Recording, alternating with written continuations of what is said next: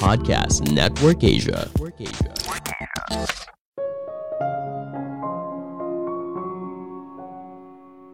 Untuk bisa sukses, kamu perlu memahami dirimu dulu. Apa kekuatanmu, apa kelemahanmu, cara kamu bekerja, dan nilai apa yang kamu anut. Halo semuanya, nama saya Michael. Selamat datang di podcast saya, Sikutu Buku. Kali ini saya akan bahas buku Managing Oneself karya Peter F. Drucker. Sebelum kita mulai, buat kalian yang mau support podcast ini agar terus berkarya, caranya gampang banget. Kalian cukup klik follow. Dukungan kalian membantu banget supaya kita bisa rutin posting dan bersama-sama belajar di podcast ini. Buku ini membahas bagaimana kamu bisa membawa diri kamu untuk mencapai kesuksesan. Kesadaran diri sering kali didefinisikan sebagai pengetahuan sadar tentang karakter, perasaan, motif, dan keinginan diri sendiri. Menjadi sadar diri adalah keterampilan yang berharga dalam menjalani hidup. Tidak peduli apakah kamu seorang pemimpin bisnis, pelatih, atau orang tua, kemampuan ini akan membantu kamu untuk berprestasi. Namun sayangnya, kita sering kali tidak tahu apa kekuatan kita. Alhasil, kita tidak bisa memberikan hasil yang maksimal. Saya merangkumnya menjadi tiga hal penting dari buku ini. Pertama, mencari tahu kekuatan dan kelemahan. Di zaman dulu, banyak orang merasa tidak penting mengetahui kekuatan mereka. Misalnya seorang anak petani ketika besar akan jadi petani. Seorang anak pandai besi ketika besar akan jadi pandai besi. Namun di zaman sekarang, setiap orang punya pilihan. Mereka perlu mengetahui apa kekuatan mereka apabila ingin punya karir yang sukses. Kamu tidak akan bisa sukses apabila hanya fokus pada kelemahan. Kamu perlu tahu apa kekuatan kamu dan bagaimana kamu bisa memanfaatkan kekuatan kamu untuk mencapai apa yang kamu inginkan dalam hidup. Sayangnya, banyak orang merasa tahu apa kekuatan mereka, padahal mereka salah.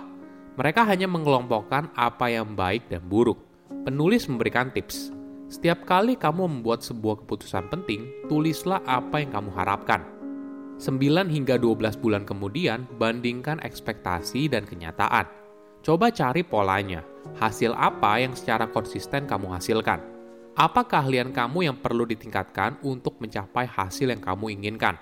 Apa kebiasaan tidak produktif yang mencegah kamu mencapai hasil yang kamu inginkan? Jika kamu rutin melakukan analisa umpan balik ini selama 2 hingga 3 tahun, kamu akhirnya akan tahu apa kekuatan dan kelemahan kamu. Nah, sehabis itu fokuslah pada kekuatan yang memberikan hasil terbaik.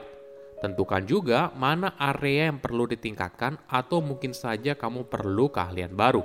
Dengan cara ini, kita jadi bisa tahu apa kekuatan kita, daripada sibuk memperbaiki semua kelemahan yang kita miliki.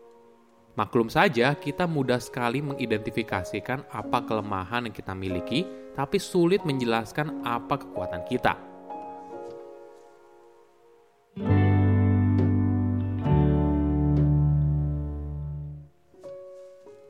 Kedua, ketahui bagaimana kamu bekerja.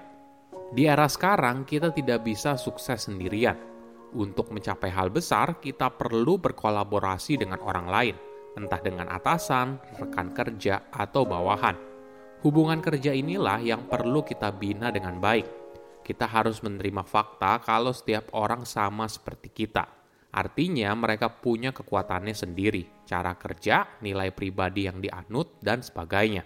Jika kamu tahu dan memahami cara atasanmu bekerja, rekan sesama anggota timmu bekerja, dan sebagainya, maka kamu bisa berinteraksi dengan mereka secara lebih efektif.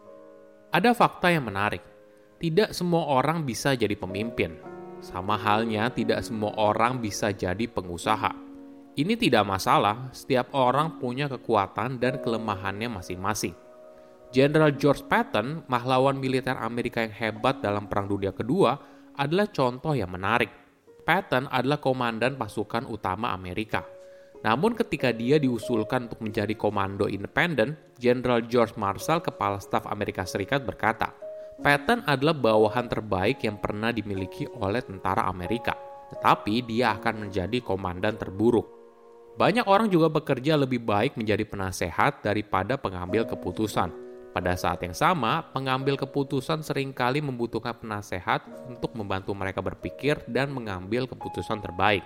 Inilah sebabnya kenapa orang nomor dua dalam organisasi tidak selalu berhasil ketika dipromosikan ke posisi nomor satu. Orang di posisi nomor satu dan nomor dua punya keahlian yang berbeda dan memiliki kepribadian yang berbeda.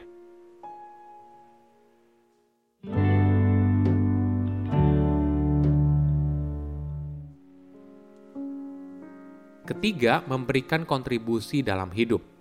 Pada awal abad ke-19, diplomat yang paling dihormati dari semua kekuatan besar di dunia adalah duta besar Jerman di London. Dia jelas ditakdirkan untuk mencapai hal besar, misalnya menjadi menteri luar negeri negaranya jika tidak menjadi kanselir federal. Namun pada tahun 1906, duta besar itu tiba-tiba saja mengundurkan diri daripada harus memimpin makan malam yang diadakan oleh Korps Diplomatik Jerman untuk Raja Edward ke-7. Raja itu dikenal sebagai seorang mata keranjang yang kejam dan sudah jelas apa jenis makan malam yang dia inginkan. Sang duta besar menolak untuk melanggar prinsip pribadinya hanya demi mempertahankan jabatan. Ini yang dinamakan oleh penulis sebagai the mirror test Ketika kamu melihat ke cermin di pagi hari, orang seperti apa yang ingin kamu lihat? Jika kamu bekerja di sebuah perusahaan yang memiliki nilai berbeda dengan prinsip yang kamu anut, hal ini tentu saja menghasilkan sebuah konflik batin, yang pada akhirnya membuat dirimu tidak bekerja secara maksimal.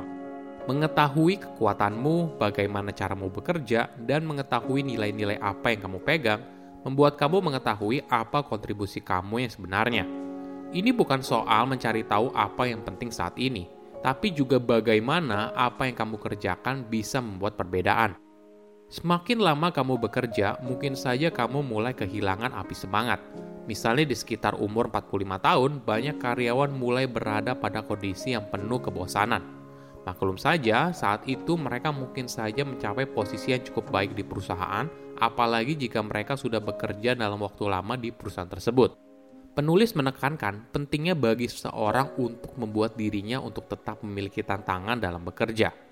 Apabila kamu tidak menemukannya di pekerjaan sekarang, mungkin kamu bisa mempertimbangkan untuk menjalani karir kedua, misalnya memulai karir baru, menjalani karir berbeda di waktu yang sama, atau menjalankan kewirausahaan sosial. Orang-orang yang merencanakan karir kedua mereka jumlahnya sedikit, tetapi mereka adalah pemimpin dan menjadi panutan bagi banyak orang. Mayoritas orang ibarat cukup dengan karir pertama mereka dan hanya menghitung sisa hari untuk pensiun. Karir kedua ini membantu seorang untuk fokus saat mengalami masa-masa sulit selama hidup, dan juga membantu untuk berkontribusi dan membuat perbedaan. Oke, apa kesimpulannya? Pertama, penting untuk mengetahui apa kekuatan dan kelemahan. Kamu tidak akan bisa sukses apabila hanya fokus pada kelemahan kamu perlu tahu apa kekuatan kamu dan bagaimana kamu bisa memanfaatkan kekuatan kamu untuk mencapai apa yang kamu inginkan dalam hidup. Kedua, ketahui dan pahami cara orang lain bekerja.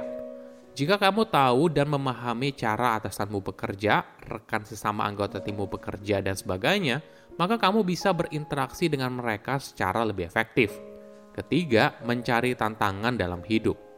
Semakin lama kamu bekerja, mungkin saja kamu mulai kehilangan api semangat.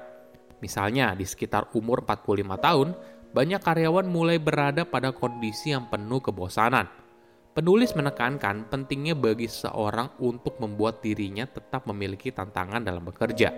Saya undur diri, jangan lupa follow podcast Sikutu Buku. Bye-bye.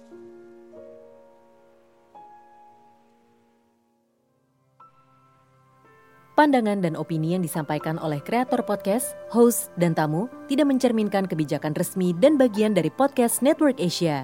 Setiap konten yang disampaikan mereka di dalam podcast adalah opini mereka sendiri dan tidak bermaksud untuk merugikan agama, grup etnik, perkumpulan, organisasi, perusahaan, perorangan, atau siapa pun dan apa pun.